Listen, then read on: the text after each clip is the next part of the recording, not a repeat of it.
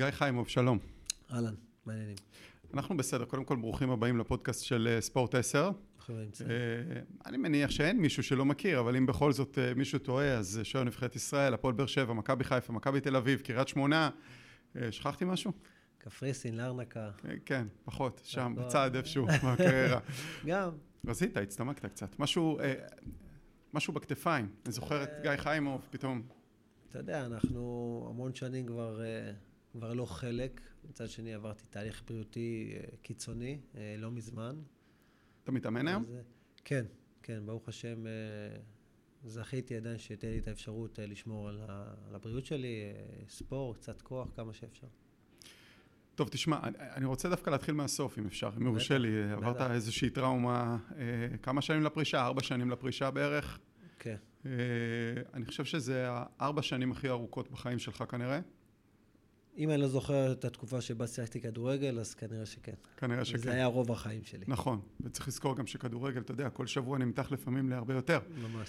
Uh, אני רוצה רגע להחזיר אותך לרגע הוא בבלומפילד. אתה מעניין, אתה כבר יודע מה אני רוצה, אז אותו רגע בבלומפילד שבו ספטמבר 19. אמת. אתה עולה לכדור, יחד עם היית חפשי, בתור שוער מכבי חיפה נגד מכבי תל אביב בבלומפילד. נכון. ואתה סופג מכה. אתה יוצא החוצה, חוזר אחרי כמה? רבע שעה? בערך. אה, מנסה להתאושש. זה אפילו נקדים שנייה. אני גדלתי במכבי תל אביב. זכיתי לשחק בבלומפילד הישן. היה אצטדיון מאוד ביתי, משהו כמו טרנר היום. ולימים הוא עבר שיפוץ. וכבר לא הייתי במכבי תל אביב, הייתי בקבוצות אחרות. ביקשתי באמת מהקדוש ברוך הוא, שיהיה לי את הצ'אנס לשחק פה במצב החדש. לא ידעתי, הרי כדורגל זה דבר דינמי, אתה לא יודע מה יהיה, איך יהיה. והגיע המשחק, המשחק הראשון, שכביכול בלומפילד חזר חזרה, 30 אלף איש. רגע, למה ביקשת? היו מחשבות פרישה? לא, אבל אתה רוצה ליהנות מה, מהמקום הזה, זה כמו, כמו המכה, של ה... זה כמו ממש עלייה לרגל, כמו הכנסת של עולם, של עולם הכדורגל. Mm-hmm. ואתה רוצה ליהנות מהמקום הזה, והאווירה שם היא מטורפת. ואתה יודע, כשנפצעתי, אז זה הדבר הראשון שהיה לי לראש. חיכיתי למשחק הזה. אתה כל החיים מתאמן לכאלה משחקים. 30 אלף איש. חוויה מטורפת. איך אני יכול עכשיו לצאת? אחרי 25 דקות. ואז אתה יושב בחוץ, ומה אתה חושב? אני, אני לא רוצה, הצוות הרפואי ישר רצה שאני אצא החוצה. אני אומר, חכו שנייה, רגע, אני מנסה איכשהו להבין מה קורה איתי, לא כל כך מבין. בכל זאת, אה, זה שוער, אתה לא יכול רגע לצאת החוצה. מה אומרים לך? אומרים לי, אה, אה, מה שראיתי בטלוויזיה אחר כך, שכבר עושים כאילו חילוף. עושים לו חילוף, צוות הרפואי, ו- ומרקו כאילו מנסה להשעות רגע את ההחלטה, כי בכל זאת, תחילת משחק, זה לא... ואני מבין שאני לא מוותר. בלי לדעת מה קורה איתי, זאת אומרת, אני לא כל כך בהכרה, אני אחרי זה אזור מוח רציני, ולא חשבתי. לא חשבתי, ואמרתי, אני חוזר. דרך אגב, בגלל זה יש חוק היום. על אותו מקרה, שלשחקן אין בכלל מנדט להחליט אם הוא נשאר או לא. מה שמחליט הצוות הרפואי זה מה שאמור לקרות. ואני חוזר לשחק, ואיכשהו עוד מתאושש, ואחרי איזה עשר דקות מקבל אה, ברך לראש. הגיע ניק בלקמן. ניק בלקמן, כן. ופה אני מבין, שמע, זהו. אתה לא רוצה את המשחק הזה. ואני כל כך בבאסה. המשחק שכל כך הרבה זמן חיכיתי. ואני פתאום מפונה. אני לא זוכר מתי פוניתי לבית החולים. רגע, תעצור. אמרת שחיכית לבלומפילד. נכון. אתה מגיע למשחק הזה, משחק. אמת. ואז, אתה יודע, עובר המסר הזה בראש, של אולי לא הייתי צריך כל כך לחכות למשחק הזה. אולי היה כאן סימן שאני לא צריך לשחק בו. תראה, אני, מהמקום שאני נמצא בו היום, שום דבר לא קורה במקרה. הכל מדויק. גם אם אנחנו לא רואים באותו רגע. ודווקא המשחק הזה, הוא היה סימן מבחינתי בדיעבד, mm-hmm. להבין את כל מה שקורה. כי אם לא הייתי מפונה לבית החולים, אין צ'אנס בעולם שהייתי מגלה שיש לי גידול בצבא. אמרת תודה לבלקמן? Um, לא, אבל אמרתי תודה לקדוש ברוך הוא. כי... הוא יודע שהוא הציל לך את החיים? לא. לא, זה, זה לא רק הוא, זה הרבה אנשים מסביב שפתאום אמרו לי, תשמע, לך תבדוק מה יש לך. כאילו, ספורטאי, אין לו זמן, והוא לא רוצה להתעסק בדברים האלה. הוא רוצה לחזור למגרש. עכשיו. לא מעניין מה היה, מת. ואנשים אמרו לי, משפחה, לך תראה מה קורה לך בצבא. לך תבדוק שנייה. שנייה, רגע, עברת איזשהו אירוע. ובהתחלה לא רציתי, רציתי לחזור כמה שיותר מהר. הקבוצה, אני רוצה להמשיך, להצליח. שיקרת לעצמך. היה נוח. אה, לא הקשבתי לעצמי. זו המילה. אוקיי. לא הקשבתי לעצמי. כל בן אדם יש לו, יש לו את הקול הפנימי שלו. ולצערנו החיים אה, במרוצה, אנחנו לא עוצרים. כן. אז, אז בעצם זה מה שעשיתי. המשכתי לרוץ, ועד שהבנתי, שמע, אין מנוס. בוא שנייה תבדוק, תראה מה העניינים. וגם כשעשיתי את הבדיקה הראשונה, איפה עשית? ברמב"ם. זה הייתה, הוא היה נראה בגודל של אפון. אפילו לא ידעו איך לקרוא לו, לקרוא לו איזה אה, אה, אה, תהליך מודלרי. לא, מכבי חיפה מלווים אותך. בתהליך הזה, כמובן, יש להם ברמב"ם את מיטב הרופאים. נכון, הם שולחים אותך לפרופסור, נכון. הוא בא ובודק ואומר לך, ב-MRI, יש לך אפונה? הוא לא, לא מתייחסים, זה בתשובות, רשום, הרי אני לא, לא הלכתי לבדיקה הזאת ממקום שיבדוק מה יש לי, אם יש לי אפון או לא. מהמם. אני הלכתי לבדוק כי יש לי קושי בשינוי זווית של, אה, של הצוואר. כן. וזה זה כואב, זה לא נוח. וזה הסיבה. לא, לא, לא בגלל משהו אחר. אוקיי. ואז מגיע הממצא הזה, נכון. מה אומרים לך? אין התייחסות. לא שלי, לא של בסדר? אף אחד. חוזר? חוזר חזרה. חוזר שחק. חוזר חזרה למגרש. היית באימון. הייתי באימון, התאמנתי, רגע. אני מבחינתי, התהליך הזה, זה סתם. זה, אתה מרגיש משהו? כלום. אין לי סממן אחד. אבל הדבר היחיד שזה גרם לי, זה לעשות בדיקה בעוד חצי שנה, כדי לראות מה, מה קורה. זה היה, זה היה התשובה של אתה הפרופסור. מסיים כמעט את העונה. אני מסיים את העונה, אני בדיוק נפצעתי גם בכתף. מהמם. אני משתקם, מסיים את העונה, ו... ואז כביכול אני בריא. סיימתי חוזה במכבי חיפה, אני יכול להמשיך לשחק, מגיעות הצעות באותו שלב? ו... ואז עשיתי בדיקה נוספת, לפני ההצעות. לפני הצעות. היה לי כמה הצעות, היה לי הצעה מבני יהודה, היה לי הצעה מחדרה. אה, היה דיבורים בקטנה עם מכבי חיפה, כביכול, שברק בא, עם המאמן שוערים, מהמם. לא משהו קונקרטי, שאלו איך אני, מה אני, ואז אה, מגיעה הבדיקה השנייה. ופה הבנתי. יש משהו שאני צריך לטפל בו. אתה יושב מול הרופא בפעם הראשונה, ומה הוא מספר לך? פעם הראשונה שישבתי מול הרופא, זה כבר לא היה ב-MRI השני, זה היה ב-MRI השלישי. כי ב-MRI השני הבנתי, יש לי פה משהו שאני צריך לתת לו תשומת לב, והיום בדיעבד אני יודע להגיד שאני שמח שלא נתתי לו מקום. כי אם הייתי נותן לו מקום כבר בשלב הזה, אני לא יודע איך החיים שלי, איך הייתי יכול להמשיך להתקדם, שאני יודע שיש דבר כזה על הצוואר שלי. האפון הפך למה? כבר לא- לזית? הוא כבר לא הפוך. לכדור לא- טניס? הוא לא אפון, בדיוק. הוא כבר נהיה, אה, לא כדור טניס, אבל נהיה כבר זית. ועצם זה שאתה רואה שהתהליך גדל, אז אתה מבין שהוא לא מתכוון אה, לעצור. ואז אמרתי, טוב, ניתן לזה עוד חצי שנה. ומה אומרים לך מבחינת המשמעות הרפואית של זה? כמה זמן אתה יכול להחזיק עם זה? עוד, עוד לא נכנסתי לשלב הזה. כי לא רצית? לא, כי א' היה קורונה, ב' התעסקתי בפרישה שלי, מה אני הולך לעשות, מה השלב הבא בחיים שלי. חיפשתי למצוא את הדרך שלי. אם לא הבדיקה השנייה, אתה ממשיך? אם הכל בסדר? כן. תמשיך לשחק כדורגל. כן, כן. אני ממשיך הלאה, כי אה, זהו, אני מוכן. אני עדיין בגיל שאני יכול לשחק. אבל אני מבין שיש לי פה התמודדות, שאני לא אוכל לשלב כדורגל, שזה 24/7, עם תהליך שהוא רפואי קיצוני. ואז אתה... מתחילות המחשבות האלה על הפרישה. אתה יושב בבית, אני מניח, עם אשתך, שהיא. מאוד דומיננטית בחיים שלך. נכון. ומה אתה אומר לה? אני אומר, תקשיב, אני חושב ש... אני חושב שזהו. שמספיק. אתה בוכה? אמ, לא, לא בהתחלה. זה היה משהו שנבנה. עם העזיבה מחיפה חזרה למרכז, עם כל עניין הקורונה, ההבנה שהגוף שלי כבר קיבל הרבה מכות, והנפש שלי כבר מאותתת, והבנתי ש... שזהו, שאני את, ה... את הסיום הזה בכדורגל, והשגתי כל מה שרציתי. זו הייתה החלטה של רגע, שאחר כך לקח לי להתאושש ממנה בערך שנה. כי הייתי בשני ערוצים מקבילים. אחד, להתאושש מפרישה, ולראות לאן, לאן אני הולך מבחינה מקצועית, מה אני רוצה לעשות. ולא לשכוח, יש לי תהליך שאני לא יכול להתעלם ממנו, אם אני רוצה או לא. אז בוא נדבר רגע על זה. אוקיי. מה התהליך שאתה מבין שאתה צריך לעבור? ב-MRI השני, אני הולך לאיזה אה, אה, רופא של קופת חולים מכבי, אורתופד מומחה, והוא אומר, תקשיב, יש לך איזשהו תהליך, אה, אני ממליץ לך כבר עכשיו ללכת לניתוח.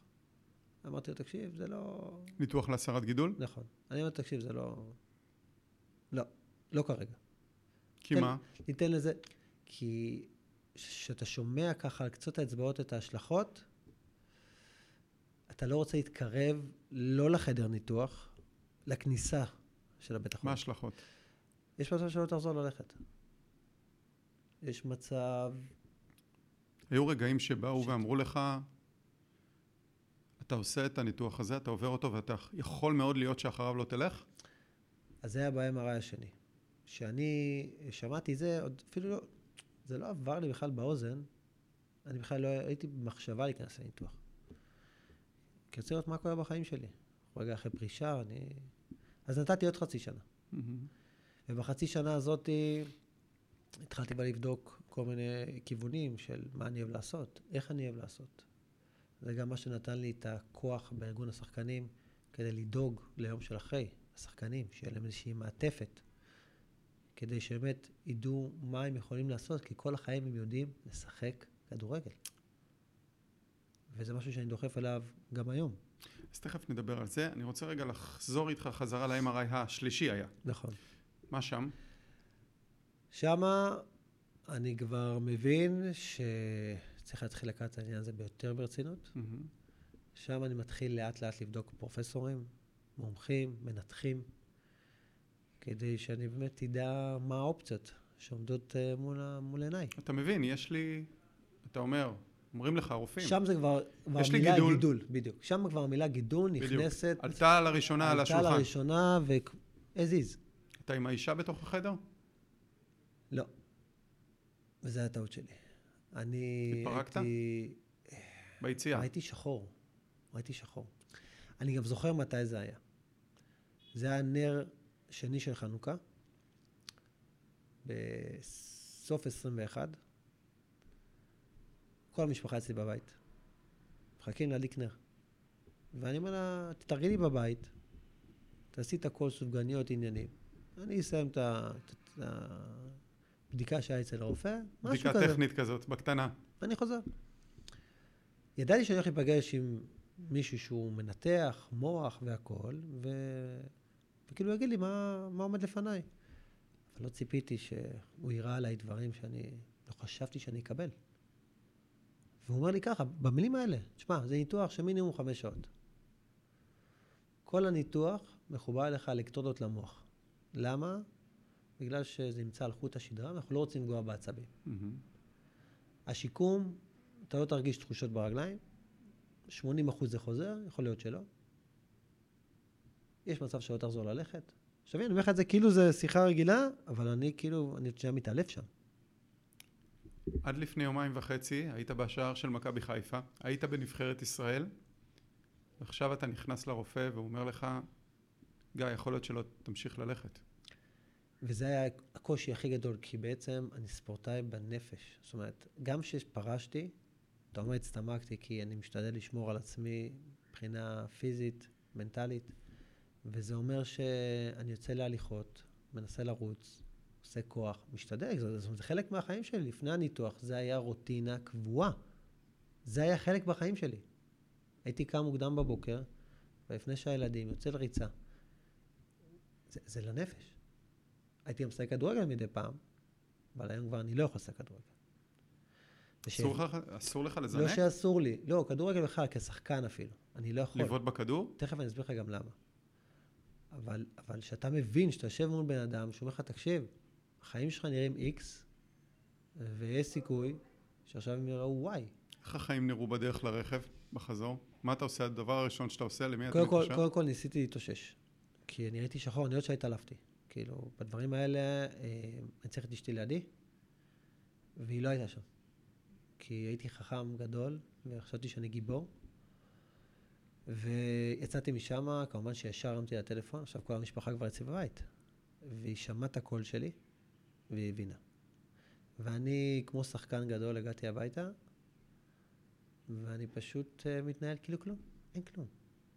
מדליקים נרות ושמחים. איך שהם הלכו... אין כלום כי לא הבנת את זה עדיין? לא, אין כלום כי אני לא רוצה. להדאיג אף אחד. אני לא רוצה שידעו מה קורה איתי. ואיך שהם הלכו, נכנסתי למקלחת, אולי איזה שעה. בכית. כן. זו הייתה המקלחת הכי ארוכה בחיים שלי, והבנתי ש... שהחיים שלי יכולים להשתנות. מה שהיה עד עכשיו כבר לא יחזור.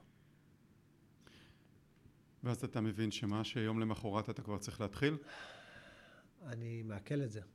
אני מעכל את הסיטואציה, כי לא כל יום אתה שומע כזה שינוי דרמטי שיכול להיות בחיים שלך. לקחתי אותה שוב לאותו פרופסור, רק שהיא תהיה איתי, להיכנס קצת יותר לעובי הקורה. והיו אותן מילים אפילו יותר קשות, אבל לפחות היא הייתה לידי. ועדיין ראיתי שחור, כי הבנתי מה... אני שאלתי שאלות כבר של אחרי, מה ואיך.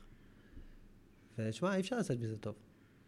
אי אפשר להיכנס לתוך חוט השדרה ולצאת כמו שהיית לפני. אין מה לעשות. וזה היה לי קשה. זה היה לי קשה. כמה זמן עובר עד הניתוח? קצר מאוד. תוך חודש וחצי עשיתי MRI נוסף, כי לפני הניתוח הוא רצה לראות בדיוק איך להיכנס ובאיזה דרך. וממש uh, תוך uh, חודשיים, ממש חודשיים, נכנסתי לחדר הניתוח. מה קורה בחודשיים האלה? זו תקופה אפלה כזאת, כי אתה, אתה לא באמת חי. אתה חי כאילו יש לך ילדים, אתה צריך להמשיך, אבל, אבל הראש כבר כבר שם. ובגלל זה אמרתי לך מקודם שבדיעבד אני שמח שלא התעמקתי ונכנסתי לדבר הזה. כי אם כן, אני רק חושב איך השנתיים אחורה היו נראות, אני לא יודע אם היינו מחזיקים כמשפחה. ברמה הזאת? ברמה הזאת. כי... ברחת? הייתי רוצה לברוח אם הייתי באמת מבין לאן אני הולך. אז אני לא יודע אם היה מעניין אותי משהו אחר בחיים. ופה עוד אני עוד אפילו לא נכנסתי לעניין האמוני. עוד פה עוד לא הבנתי כלום. וזה היה יותר קושי, כי ברגע שאתה מבין ויש לך את האמונה, יותר קל לך להתמודד. אבל ברגע שאין לך את זה... גם אז הייתה לך את האמונה. אולי לא, לא ברמה לא, ש... לא, לא כזאת. לא, לא כזאת. אני התפללתי, הנחתי תפילין, קידוש, אבל לא ממקום פנימי עמוק יותר. מתי הגיעה הכיפה? הכיפה הגיעה אה, לפני הרבה זמן, לפני עשר שנים. כן, אבל ב... פשוט לא ראו אותה, זהו, לא ראו אותה כי היא עלתה רק כשהייתי אוכל, כשהייתי מברך. מקרה של הילדה שלי, אביגיל. בעצם שם הכל התחיל, שגם שם לא שמנו לב לכל מה שקורה. מה קרה עם אביגיל?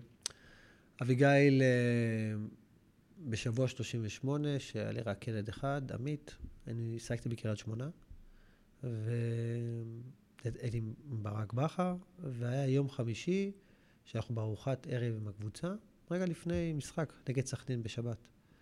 ואשתי במרכז, כי בשבוע 38, רגע לפני לידה, והיא מתקשרת אליה באמצע הארוחה, בוכה. אני לא, מה קרה?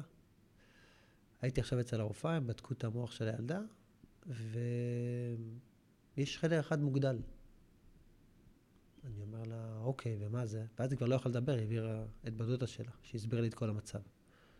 ואני יושב ואומר, רגע, מה קורה פה? כאילו, יש לי מצב שהילדה שלי לא תהיה בריאה. ואני מתחיל לבכות. אני זוכר את עצמי יושב, אני זוכר את התמונה הזאת, אני יושב במרפסת בקריית שמונה, ביקשתי מברק כמובן לצאת מהארוחה, mm-hmm. ואני יושב ובוכה. יום שישי כבר הגיע, ויש משחק חשוב בשבת, הקבוצה לא נראית הכי טוב. ואני אומר לאיזי ולברק, אני נוסע למרכז, אני לא מגיע. אני כבר בדרך לקריית, לתל אביב. Mm-hmm. איזי מתקשר אליו, אומר, תקשיב, בבקשה, תעשה סיבוב, אני מביא לך מסוק אחרי המשחק, סע. בגלל שאיזי ולי יש קשר מאוד עמוק, אה, מעבר לבעל עם שחקן. איך אפשר לשחק? הסתובבתי. הסתובבת? הסתובבתי. הסתובבתי, עשיתי... מה אומרים לאישה? אני אומר היא הייתה עטופה במשפחה. אז אני, זה השקט היחיד שהיה לי. כל המשפחה שלי, שלה, אז הייתי רגוע. לי אישית זה היה עניין מנטלי, איך אני עובר עכשיו, שמרנו את השבת הזאת, משחק היה בקריית שמונה, אני בבית לבד, עושה קידוש, הולך לבית כנסת, בוכה, כל, הבית, כל התפילה אני בוכה. ולא הייתי הולך לבית כנסת קבוע בכזאת אה, רמה, בכיתי כל התפילה. אני לא אשכח, שעה עשר בלילה, עכשיו אני בלי טלפון, בלי כלום, דופקים לי בדלת. אני כבר, ראש שלי כבר סרטים. סרטים. זה היה המנכ"ל יוסי אדרי, הוא בא לבדוק לשלומי, הוא יודע את המצב, הוא בא לראות שהכל בסדר, הוא יודע שאני שומר שבת. המשחק הסתיים, נסעתי חזרה למרכז, יום ראשון, אחד-אחד. כאילו, אני זוכר את הרגעים האלה, כאילו זה קרה אתמול. חשבת על זה בשער? אמ, כן, אתה לא יכול לברוח מזה. אה, ניסיתי, אתה יודע, בכל זאת אני מקצוען, ניסיתי כמה שאני יכול. אבל איך שנגמר המשחק, מבחינתי, זהו, מה היה מת? עפתי למרכז. יום ראשון, שבע בבוקר, איכילוב, אנחנו בתוך אולטרסאונד עם איזה שמונה רופאים. וכל אחד זורק משהו אחר לאוויר. צ'יסטות וגידול, מה לא? אנחנו כבר לא יודעים מה אנחנו רוצים שיהיה. אנחנו לא יודעים. חדר סטנדרט זה 10 מילימטר. ביום ראשון, אחרי MRI, בשעה 10 בבוקר, על ה-24 מילימטר, שזה כפול 2.5. אתה אומר, אוקיי, יש לנו פה משהו, יש לכם אפשרות להפיל. זה מה שהם זורקים בכלל לאוויר? אחרי, יש, זה, זה שתי האופציות, יש לך אפשרות להפיל ויש לך אפשרות ללדת. ישבנו מול מנהלת ניאו-כירורגית, תותחית, והיא אמרה לנו דבר כזה, תקשיבו, אתם יכולים להפיל את הילדה, הכל בסדר. אתם יכולים גם להביא אותה. יכול להיות לה בעיה מוטורית קלה או קשה. עם מי אתה מתייעץ? אני מתייעץ עם הרב של קפריסין, ואני מתייעץ עם אה, בחור בשם אברהם. אברהם הוא הבעלים של להושיט יד. להושיט יד זה עמותה שמלווה אותי שנים, אה, עוד ממקרה של אח של אשתי, mm-hmm. והוא ראה הרבה מקרים. והוא אומר, תקשיבו, תשאירו. לכו על זה בכל הכוח. ואני, אני עם כל האמונה שלי, אני אומר לאשתי, תפילי, תפילי, אנחנו נביא עוד ילד. תחשבי עכשיו, חס וחלילה, הילדה הזאת יהיה לה משהו. החיים שלנו נהרסים. הילד שבבית תמיד כבר לא יקבל את אותו. אין. עד כדי כך. ואני לא אשכח לה, וזה אני אזקוף לה כל החיים שלי. היא אומרת לי, לילדה שלך אין כלום.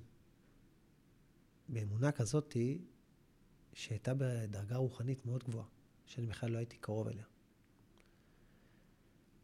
וכאילו לא הבנתי איך היא יכולה לקחת כזאת החלטה ולהגיד. ובסוף, קוראים להחלטה. נכנסים לחדר ניתוח, ניתוח קיסרי, הילדה יוצאת, לא בוכה, לא כלום. עושים בדיקה? עושים בדיקה, לא באותו רגע, כי כבר היה לילה, ביום ראשון. אחת עושים בדיקה. מס... אה, אה, אה, אחד הדברים שאמרו לנו, שיכול להיות שיהיה לה דבר שנקרא שאנט. מה זה אומר שאנט? מוציאים לך צינור מהמוח לאיזה משהו חיצוני, שהוא מנקז את הדם. ויש פרופסור אחד מומחה בארץ שהוא עושה את זה. אז בזמנו זה הדבר הכי טוב שיכלנו לקבל, שבדיעבד זה אחד הדברים הקטסטרופה של כל החיים. והילדה יוצאת רגועה, ואני מריץ את כל הצוות, חבר'ה, בואו נבדוק, מה קורה, מה איתה, מה... היא לא בוכה, לא כלום, תמתין, הכל בסדר. מסתבר שהיה לה איזו צ'יסטה קטנה, שסתמה את המעבר באחד החדרים, והוא יצר בעצם את החדר הנפוח. וההשלכות שהיה לה מהניתוח שבמשך חצי שנה לטונוס ברגל שמאל ויד שמאל, עם פיזיותרפיה והכל.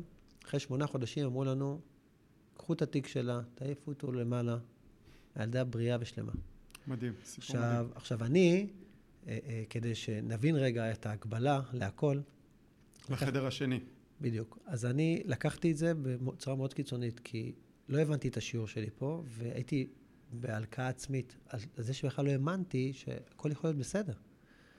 אז לקחתי אז את הכיפה, לקחתי את הברכות, בשביל לקחת. לא, לא, לא הבאתי את זה למקום מאוד רוחני, בשביל לקחת את זה על עצמי. אז זה עניין הכיפה. אבל משהו יותר גדול, שאחרי שהיא באה לעולם, אני אמרתי דבר כזה. כל מה שיש לילדה הזאתי, שיבוא עליי. אתה יודע, מילה של אבא כזאתי, של כאילו... אתה יודע, שאתה רוצה שהילדה שלך יהיה מילה טוב. חזקה, זה משפט חזק. משפט חזק. ולמה אמרתי, למה נזכרתי בכלל שאמרתי את זה? כי הרופא שניתח אותי בניתוח האחרון, זה היה הרופא שצריך לנתח את הילדה שלי. וואו. ואז אנחנו מבינים כמה כוח יש לי מילים. יש למילים שלנו, כמה מתן תוקף הם, הם, אנחנו מביאים אותם הלכה למעשה. אז אנחנו חוזרים רגע לחדר של 2019, כן. ושם אתה פוגש את אותו רופא. זה מהפעם הראשונה, ואתה מבין שלמילים יש כוח. זה לא רופא ועכשיו ראשון. אתה יודע, הניתוח הראשון, זה, הניתוח הראשון. זה לא היה אותו רופא. מהמם. בניתוח הראשון הוא עובר בהצלחה. מוציאים לי 80% מהגידול. נשאר לי 20%, בשפה מקצועית זה נקרא שארית. וגם אשתי אומרת וגם אני זוכר, איך שיצאתי מהניתוח, אני ככה בהתאוששות, היא שואלת אותי, אומרת לי, הוציאו לך 80%, ואז אני אומר לה, אני יודע למה נשאר לי 20%. כדי לחזק אותי באמונה. זה, זה המילים הראשונות שאמרתי. עכשיו, זה מה שאתה אומר אחרי זה מה שאני אומר. עכשיו, שתבין, אני כאילו בהתאוששות, אתה יודע, בהרדמה, אני לא יודע באמת מה. זה המילים הראשונות שאמרתי. זאת אומרת, ידעתי בפנים שמה שנשאר לי הוא, הוא לא סתם. ואני יוצא, וזה שלושת הימים הכי קשים בחיים שלי. למה? כאבים? אני ניסד, אני חסר ישע. אני לא מצליח להתפנות אפילו עם קטטר. אני כל יום בבית החולים מתעלף. כל יום. אין לי תחושה מהגן ומטה. הגן זה לא משהו שהיית מפעיל כמה חודשים לפני כדי לזנק ולהוביל את כמה מכבי חיפה ואת הנבחרת כמה להישגים? ימים לפני כן הייתי עושה פעילות ספורטיבית, הייתי עושה כוח. אני פתאום, אני לא יכול לקום מהמיטה. לא, אין, לי, אין לי תחושה, אני יודע אפילו, אתה יודע מה, אני אנסה להמחיש לך מה אני מרגיש. קח למשל שני שקיות מים, קח שקית, שים במים, שים את אותן שקיות מתחת לכפות הרגליים, ותעמוד על הקרקע. בצקות. מה אתה מרגיש? אתה מרגיש כאילו אתה לא הולך על קרקע, אתה מהמם. כאילו על שקיות מים. זו התחושה היומיומית שאני מרגיש שאני קם בבוקר, ואני שם את הרגליים שלי על הקרקע. זו התחושה. זו ההשלכה קודם כל של הניתוח הראשון. זה מה שאני מרגיש. מלבד זה שהרגליים שלי, יש לי תחושה כמו של רובוט, כמו של ברזל. אני מרגיש את הרגליים, אבל זו תחושה כזאת אפתית כזאת. זו ההשלכה של הניתוח הראשון. עכשיו, שתבין שבן אדם, אני לא זוכר כבר מה היה לפני, היום. תחשוב בן אדם שרגע לפני, נראה רגיל. אז השלושה ימים האלה הם ימים שאני, ברוך השם, אני לא יודע אם יש לי שונאים, אבל גם להם אני לא מאחל דבר כזה. וזו הייתה תקופה שאף אחד גם לא יודע. תלוי אף אחד. באחרים, חוסר אונים. אני, תלוי באשתי. כאילו אם אשתי לא באה ומקלחת אותי, אין מי שיעשה את זה. היה שלב שבו הרופאים מדברים איתך על הקרנות, נכון, זה היה אחר כך כבר, אחר כך. כן. למה? אני אה, חודש וחצי, כמו ספורטאי, כמו שאני מכיר את הגוף שלי. אחרי חודש וחצי, מאותו ניתוח שלא יכולתי ללכת, אני מתחיל לרוץ. כמו רובוט, אני, אני בטירוף. איך אני משתקם. כל מה פיזיותרפיה בבית, ורופאים מגיעים אליי, ו... בטירוף. ואחרי חודש וחצי אני וואלה מבסוט, אני אחרי ניצחון, וואלה, חזרתי לעצמי, לאט לאט, אמנם עם הקושי של, ה... של יציבות וזה, אבל אתה יודע, אני עוד עומד על הרגליים. אני בא לרופא, ביקורת, הוא אומר לי, תשמע, צריך להתחיל הקרנות. אני אומר לו... עכשיו, שמעתי את זה לפני כן, כדרך אגב, אבל לא באמת הבנתי את הפרוצדורה. עכשיו, אני קלסטרופוב. עכשיו, תגיד לקלסטרופוב להיכנס לתוך מכשיר סגור, ושקושרים אותך עם מסכה. אבל עשית ככדורגלן MRI. עשיתי MRI בהרדמה. היית צריך הרדמה לפני כל MRI במכבי חיפה, בהפועל באר שבע? כן. אז אתה אומר עכשיו, אני הולך לעשות סשן, שישה שבועות, כל יום להרדמה? איך אפשר לעשות את זה? לא הגיוני. אז אוטומטית אני רואה שחור, למה? כי מצד אחד אני אומר, אני לא יכול לעשות את זה בהרדמה. מצד שני אני גם, הקרנות זה מסוכן. זה יושב על חוט השדרה, אני לא יודע מה ההשלכות. זה כל החיים עכשיו. זה, זהו, זה כאילו לא מספיק, עברתי איזושהי טראומה. חשבת שסיימת, חשב, מה זה חשבתי? אני מבחינתי זהו, אני כבר מתקדם הלאה. ואז הגרזן נפל. ואז הגזר נפל. אז בפעם הראשונה שהוא אומר לי, צריך הקרנות, אמרתי לו, עזוב אותי, לא רוצה הקרנות. יצאתי משם. אמרתי, אני הולך עוד חצי שנה, עושה בדיקה מה קורה, אמרתי, בינתיים אני אנסה קצת לעבוד על הנפש, קצת... ואני עושה בדיקה אחרי חצי שנה, ואני רואה שוואלה, הגידול אה, ממה שהוא היה, הוא גדל. השארית שהייתה, גדלה. ואז אני מבין את הסיטואציה שוב, כאילו אם אני לא אעשה הקרנות, זה יגדל שוב, ושוב אני צריך להיכנס לניתוח. עכשיו, רק תגיד את המילה ניתוח, רק תגיד אותה, אני בכלל לא, לא איתך בכלל. ואז אני, ואז... ואז אשתך אומרת לך, לא, אתה לא עושה את זה. כל הזמן היא אומרת לי, לא, היא אומרת לי, תשמע, גיא, אתה, אתה נמצא בשלב אחר, אתה יכול, אתה יכול לנצח את זה. ופה נכנסתי לדיכאון. זו הייתה תקופה שהייתי חודשיים פשוט בדיכאון. עכשיו, איך אני יודע שזה בדיכאון? כי לא הצלחתי לקום מהמיטה. אני בחור מאוד מאמין, אבל הרוח נופלת. קלסטרופוביה, בכי, דיכאון, הכל בחודשיים. הכל בחודשיים. עכשיו, אני אומר, טוב, בוא ננסה, אולי אני אצליח, אני אצליח את זה. ואז אמרתי, טוב, הלכתי עם מטפלות. הלכתי לנסות לבדוק על העניין של הקלסטרופוביה, איך אני מתקן את זה, איך אני עוזר לזה. ו... ומצאתי תרגילים. איזה תרגילים? הייתי מתחיל בטיפול פסיכולוגי אישי שלי, דמיון, נדמיין איך אני נכנס, ולאן הייתי הולך? אתה יודע לאן הייתי הולך? לרב? לגני שעשועים. לגני שעשועים. מה היית עושה שם? הייתי נכנס לתוך צינור הקטן של, של הילדים, בתוך המשחקים, יש צינורות כאלה קטנות. Mm-hmm. נכנס פנימה, בלי אוזניות, בלי טלפון, במשך רבע שעה, מנסה להתרגל. כאילו אני בתוך צינור של, ה, של הבדיקה. ופעם אחת אני מצליח, ואני מבסוט, ואני אחר כך לצינור קטן יותר. ואני אנסה להיכנס כדי לעלות דרגת קושי. אני מבסוט, אני מצליח. הלכת לתרגל כן. את הבדיקה בתוך גן שעשועים. אמת. ואיך יצאת משם? זה נתן לי כוח, כי אמרתי, בוא'נה, אני, אני מצליח. זה הולך טוב. אבל הגן שעשועים הוא פתוח, ואתה קלסטרופוב. נכון. מה קורה כשאתה נכנס לחדר? כשנכנסתי לחדר, אז לפני שאתה עושה הקרנות, אתה צריך לעשות סימולציה. סימולציה זה בעצם הכנה של המסכה. אתה צריך להיות, לשכב, סוגרים אותך עם המסכה, קושרים אותה במשך רבע שעה, עד שהיא מתקשה, נמצא את המסכה. ואני צולח את הסימולציה הזאת. ואחרי הסימולציה, שיש לי מסכה ביד, אמרו לי, טוב, מתי מתחילים הקרנות? אמרו לי, טוב, עוד כמה ימים. תן לי שתי רגע להתאושש. לא רק שאני מוכן נפשית, כי זה תאריך שאתה מתחיל אותו, והוא הולך שישה שבועות. וביום של ההקרנות, לילה לפני כן, שוב אשתי. היא יוצאת בשעה עשר וחצי בלילה מהחדר, שאני כאילו מפוקס ומרוכז, איך אני הולך לעבור את התהליך הזה. היא אומרת לי, מחר יהיה לך נס.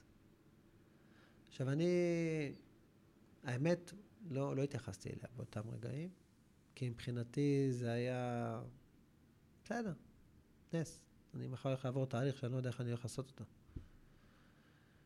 ואני חווה שם נס מטורף, שתראה, המטרה שלי בחיים, אני לא מחפש לעשות הדתה, אבל הערוצים שלי הם מאוד מגבילים. יש לי את הערוץ של האמונה שלי, של כל הניסים שחוויתי, שהלימוד טניה שמחבר אותי לנפש, שזה משהו שהוא, היום אני יודע להגיד אותו. ויש את הערוץ הרגיל שלי של העניין הרפואי, שחוויתי אותו במשך שנתיים, כל עניין הגידול, הלחץ, הכדורגל. זה ערוצים מקבילים. Mm-hmm. ואני לא יכול להוציא ערוץ אחד, כי זה בסוף מסתנכרן. כי אם לא היה את הניסים האלה, הייתי במקום אחר אם לא היה לך את הטניה, היה לך קשה להחזיק? חד משמעי. הטניה חיברה אותי לנפש. כי הטניה בעצם מדברת על הנפש הבהמית שקיימת אצלנו, והנפש האלוקית. שזה אחד, אבל שניהם כל הזמן רבות. ואז אתה מבין איך, איך אנחנו מסתכלים, איך כל דבר שקורה לי, אני יודע להבחין איזה נפש מדברת. ובאותו יום של ההקרנות, הגענו לבית החולים, התור שלי היה בעשר וחצי, והגענו בעשר, בערך ב-11, עשרה ל-11, ואני רואה את שני האחים שלי, שלושה. אחד האחים גר בקריות, בחור דתי, ואחי הקטן אה, קצת פחות. ואנחנו בדרך לקומה מינוס שתיים, באיזה חור, חור. של בית החולים. ואשתי בוכה, כל הדרך. אומרת להם, תשמעו, הוא רוצה לעשות הקרנות. התחלתי דרך בריאותי. התחלתי כבר להחמיץ בבית אה, כרוב, ולעשות יוגורט פרוביוטי, ולקחתי תוך כדי קנאביס רפואי. עשיתי הרבה תהליכים, אמרתי, משהו יצליח. זה היה המוטו שלי באותו רגע. עד לאותו יום של ההקרנות, ג'ונגל. ג'ונגל, אני אעשה משהו, משהו יצליח, משהו יתפוס. זו התקופה של הדיכאון הזאת, שאמרתי, תשמע, אתה, אתה לא יכול לא לעשות כלום. מצד שני, אמרתי, משהו יתפוס. אמרתי, טוב, אני גם אעשה הקרנות. ובעצם זה היה בניגוד לכל התאריך שעברתי. כי אם הייתי עושה הקרנות, אני לא הייתי יכול להמשיך בתאריך בריאותי, כי זה דברים נוגדים אחד את השני. אבל אותי לא עניין. אמרתי, אני עושה, משהו יצליח. וכל הדרך לקומה מנושתם, היא אומרת להם, הוא לא צריך, הוא, הוא התחיל כבר, הוא חודשיים בתהליך מטורף, הוא מחזיק, ובלי פח ומול, ובלי סוכרים. ואני לא איתם. אני מפוקס, מרוכז, איך אני הולך לעבור את התהליך הזה. מגיעים, יושבים, שעה 11, אני מעביר כרטיס, ממתין שיקראו לי. יושבים ככה, יש וידאו, אני לא יודע אפילו למה אשתי צילמה. אני, המסכה פה, שני האחים שלי ואשתי. עוברות איזה חמש דקות, אנחנו כבר 40 דקות אחרי התור שלי, לא קראו לי עדיין. ונכנס איזה בחור דתי. עכשיו, מה אתה עושה פה? כאילו, אתה באיזה חור בבית החולים. מי רוצה להניח תפילין? אם אתה רוצה שמישהו יניח תפילין, תחכה בכניסה לבית החולים. 700 אלף איש עוברים. יש לך כמויות של אנשים שיניחו תפילין. עכשיו, אני לא מתייחס אליו, כי אני הנחתי בבוקר. אחי הגדול הניח בנץ בבית כנסת, ואחי הקטן לא רצה להניח תפילין, הוא לא מתחבר.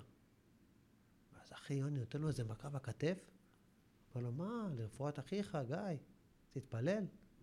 הוא קצת מאי-נעימות, קצת מרצון שיהיה לי טוב, התפלל, חמש דקות. הוא מסיים את התפילה, ואותו בחור נותן לו שני ספרונים. עכשיו, לא, לא עניין אותו הספרונים, נתן אותם לאח שלי, יוני הגדול. עכשיו, יוני, שיהיה בריא, אחי, אני לא יודע איפה בכלל המחשבה, מסתכל על הספרונים. הספרונים האלה נקראים קונטרסים. נכון. מחלקים אותם בדרך כלל ברמזורים, או בכל מיני מקומות. באותם רגעים חשבנו שיש בערך 100. אחרי בדיקה מעמיקה, יש מעל אלף ספרונים כאלה. הוא מסתכל על הספרונים, הוא... שת- שתבין, אני יושב, אני לא איתם. הוא אומר, אני לא מאמין, הקדוש ברוך הוא מדבר אליך. עכשיו, אני, אתה יודע, צריך לקרות הרבה דברים שיוציאו אותי כרגע מהפוקוס שאני נמצא. ברגע שהוא אמר לי משהו קדוש ברוך הוא, הספרון הראשון היה כבוד האישה. הספרון השני היה רפואה שלמה. תכבד אותה, יהיה לך רפואה שלמה. עכשיו, אתה יודע, אני כאילו, לוקח לי רגע, עד ואז שאתה מבין למעשה... אני מבין מה קורה פה. סנדי? סנדי, נכון? סינדי, כן. אני מבין רגע מה קורה אומרת פה. לך, אומרת לך לא להיכנס להקרנה, ואתה שנייה לפני. כן, אני כבר עשיתי הכל, אני מוכן, אני כבר אתה עם מסתכל על המסכה. הספרון ומה אתה חושב? זה לא נגמר, הוא פותח את הספרון של כבוד האישה, ורשום לך שבני היקר, אני לא אשכח את זה.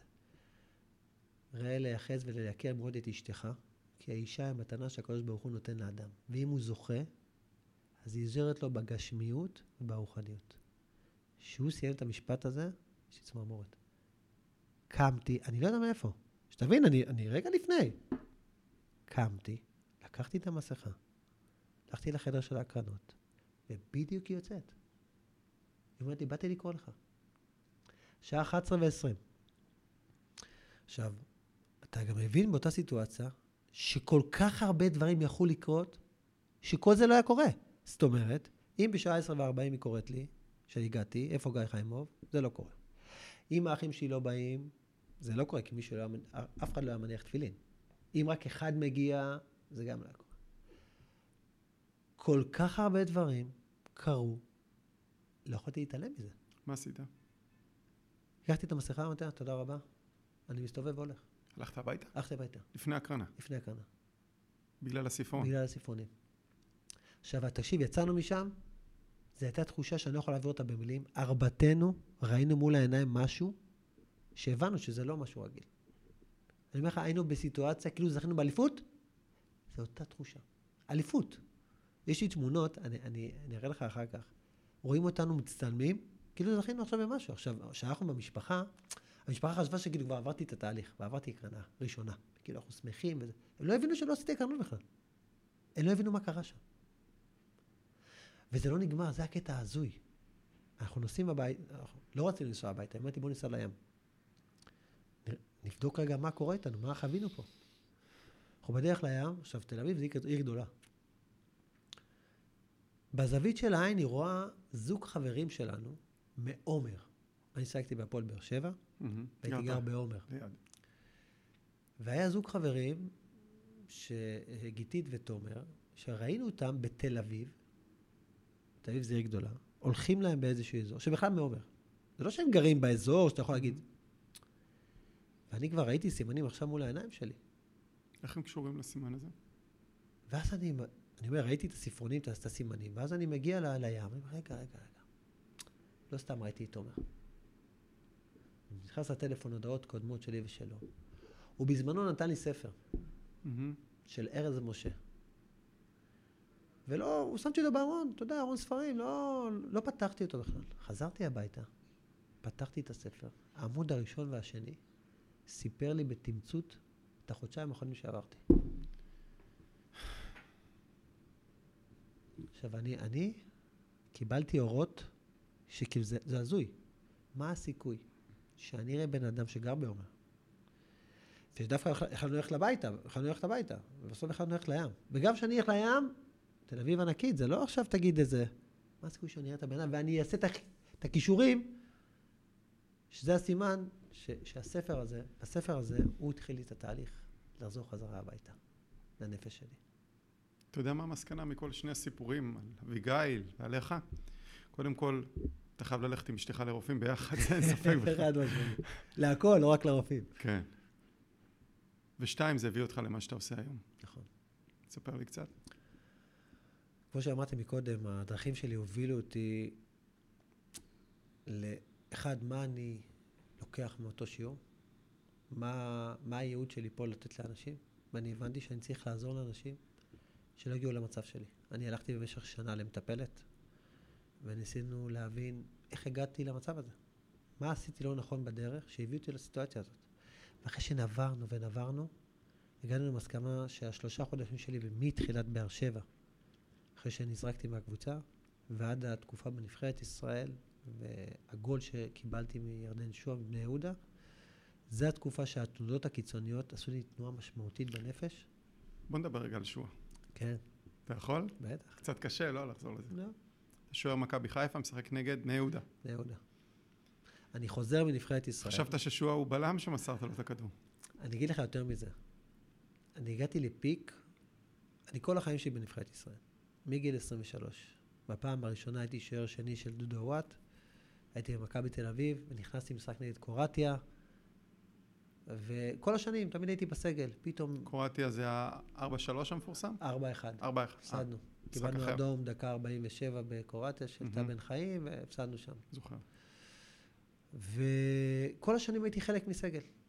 פעם שוער שני, פעם שוער שלישי, פעם קרוב לשחק, ובסוף לא. והגיע רגע שלא היה כבר את כל השאלות. יש שוער ראשון, וזה אני. וזה משהו שאתה חולם עליו כל החיים שלך. וזה אחרי, קרה אחרי תקופה קיצונית מבחינתי. הייתי למטה, התאמנתי עם הנוער, ופתאום אתה מתאמן במכבי חיפה, פנדלים, לא, מצ... הכוכב הבא של מכבי חיפה. אז רגע, בוא, בוא נסביר רגע למי ששכח. אוקיי.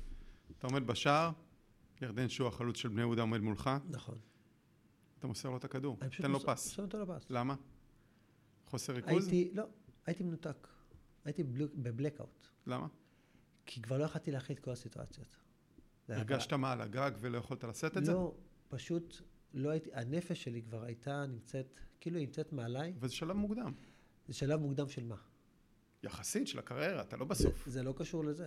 זה קשור לסיטואציה שעברתי בשלושה חודשים לפני כן, שכל העליות וירידות, הנפש היא נפש, היא, היא דבר עדין.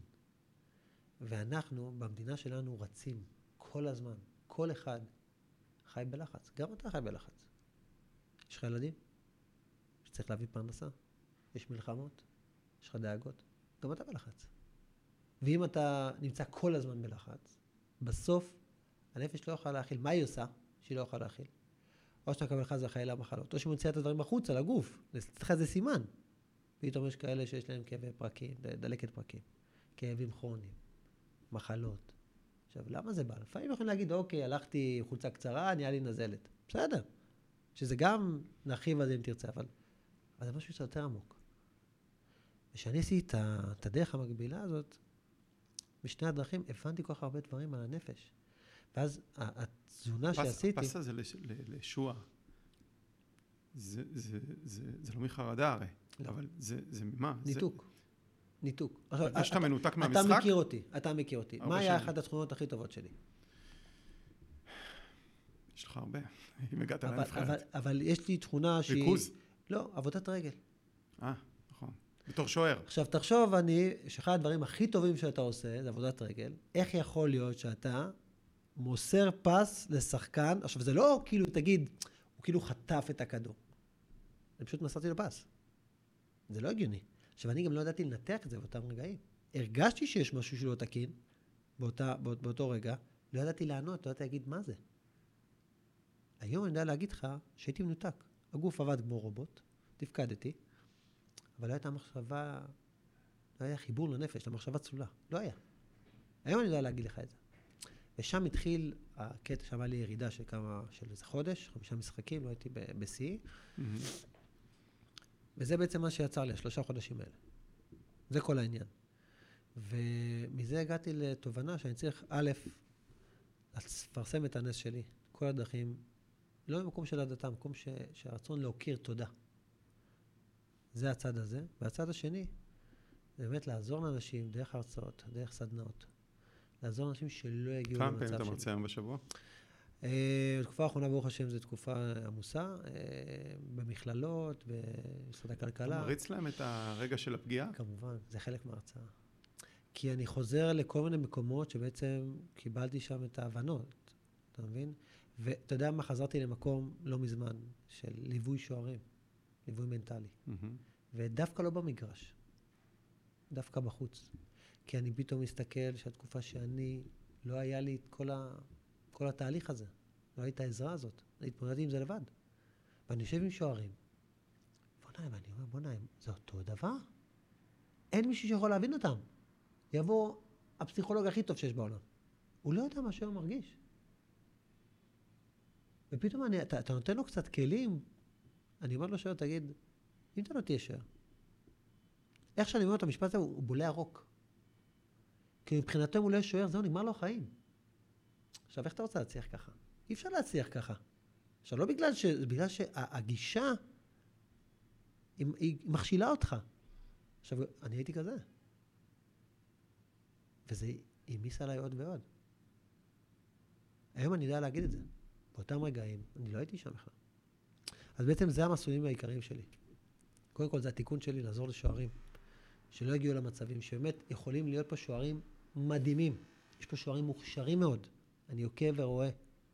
פשוט צריך לעזור להם. צריך להיות הגב שלהם, לתת להם את הכלים הנכונים. וזה לא כל כך עושים את זה כמו שצריך. אז זה הכיוון הזה. ולעזור לכלל האנשים, לכל בן אדם להבין שרגע בין מה שאנחנו קורא, בכל המלחמות, צריך לעשות, לדעת, לדעת לעשות הפוגות, לעצור שנייה, להתנתק. יש לי כל כך הרבה אה, אה, כלים לתת, שזה לא כלים עכשיו של איזה תורה או... כלים פרקטיים, קלים, פשוטים. וחשוב מאוד שאני אגיד, אני לא אומר להפסיק לשאוף. אני אומר לרוץ, להמשיך. אבל לפעמים לעצור. לא לפעמים. למצוא לעצמך את ההפוגות האלה. שוב, יש כאלה שיקחו את ההפוגות האלה, נגיד, ליום חופש. לא. זה הפוגות בתוך התהליך. ללכת לגן שעשועים. אם תרצו. כל אחד בסוף זה אינדיבידואלי, לבדוק מה טוב לו. ואני מאמין באמת, באמת, ב, בדרך הזאת, כי ככל שעובר הזמן ואני נחשף ליותר סיפורים, היינו לא מזמן אצל דורון שפר. לפני איזה חודש נסעתי עם כמה חברים מהבית כנסת. עבר תהליך בחו"ל, נדמה לי. הוא עבר תהליך מדהים. הם גרים עכשיו באמירים, בצפון. הם מארחים אנשים מהנובה. אה, יש להם אה, סדנאות מדהימות. וישבנו אה, איתו ועם אשתו לארוחת ערב, והוא התחיל לספר את הסיפור שלו. ואני שואל אותו, אותה, זו אשתו השנייה. אני אומר לו, תגיד, מה היה חצי שנה לפני שגילית את המחלה? הרי גם הוא עבר את כל המחלה והכל. אז אשתו מחייכת עליי ואומרת לי, הוא עבר אה, גירושים לא פשוטים. ושוב, זה חוזר חזרה. הנפש שלנו לא יכולה להכיל סיטואציות מסוימות. מה הלקח הכי חשוב שלמדת מכל הארבע שנים האלה? משפחה. משפחה זה דבר מאוד מאוד חשוב. מי שסביבך, האנשים הקרובים אליך, תיתן להם את ה... תיתן להם את כל מה שאתה יכול, כי זה משהו שהוא... אני מאוד מחובר למשפחה שלי. אה, הגרעינית אה, ובפרט. אני יודע שהם היו הכוח שלי. בהמון המון רגעים שוואלה, שאלתי את עצמי, אמרתי, אולי, אולי אל תילחם. מה יהיה, יהיה. אבל כשאתה רואה בבוקר את הילדים שלך, ואתה רואה את האישה ש... אני, אמנם הסיפור עבר עליי, ו... ואני עברתי כביכול את הנסיעה, אבל זה הכל בזכותה. הכל בזכות אשתי. מהפעם הראשונה שבה היא חזתה שאביגיל בסדר, ועד הפעם האחרונה שהיא הוציאה אותך מהקרנות. חד משמעי. צריך טישו.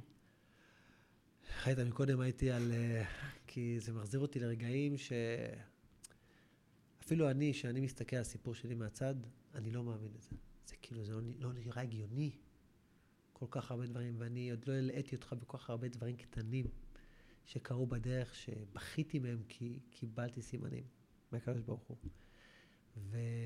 וכמו שאמרתי, אני לא יכול להעלים אותם. אתה מבין מה אני אומר? מצד אחד, אני לא מחפש להחזיר אף אחד בתשובה. וגם כל, כל הרצאה שאני אומר, אני אומר לך לאנשים, חבר'ה, תשימו לב לסימנים. לאו דווקא של הקדוש ברוך הוא. שימו לב לסימנים. לפעמים אתה נוסע באוטו ויש אוטו מלפניך עם סטיקר, והסטיקר הזה פתאום יכול לתת לך איזושהי מראה למשהו. מרגיש שאתה יכול להפסיק לבכות היום? לא. לא. למה? כי א', אה, הנפש שלי צריכה את זה. אה, ההודיה הזאת, החיבור הזה, שאני כל יום עומד על הרגליים. אני, זה לא מובן מאליו. אני שואל את עצמי, מה יותר גדול? הנס שלי עם הילדה שלי, או הנס שלי, שאני אחרי שני ניתוחים, עם הוצאה מלאה של גידול, ואני עדיין על הרגליים. לא בטוח שאתה צריך להחליט מה יותר גדול. אתה יודע, זה... קודם כל, אני הבנתי שזה תיקון. תיקון שלא עשיתי אז, עשיתי אותו היום. בכל המישורים, בכל הדרכים. אבל תראה איזה קטע, אנחנו יושבים פה ואני לא בן אדם שלם. יש לי חוסר תחושה באזור הזה. יש לי שקיות ברגליים, הרגליים שלי, אין לי יציבות מלאה. לפעמים, אני עומד כמה אני יכול פתאום להיות איזה חוסר שיווי משקל. אבל אתה לא תראה אותי מתעסק בזה. זה משהו מהחיים שלי. אבל אני לא, אני מסתכל על זה במקום הטוב של זה. אני עדיין על הרגליים. אני עדיין מתפקד עם האצבעות האלה, למרות החוסר. הרבה יותר קל לך להתמודד עם זה נדמה לי, מאשר עם נניח כותרות לפני משחק? יכול להיות. וואלה, לא חשבתי על זה. בגלל כל מה שעברתי, אתה יודע שאנחנו מדברים על הזמנים, זה לא הרבה זמן אני פרשתי. כי אם אני מסתכל נטו על הפרישה עצמה, זה שלוש שנים בערך, פחות קצת. Mm-hmm. ופתאום אני מבין שכאילו, אני כבר לא זוכר שהייתי שוער. אם אין את הטלוויזיה ואת כל הסרטונים והדברים האלה, אני לא הייתי, לא זכרתי את זה. שזה מדהים. אותו אחד חדשים. שהיה בפיקים ובמשחקים, ואני כבר לא שם. חיים חדשים. חיים חדשים. גיא חיימוב, תודה רבה. תודה לך.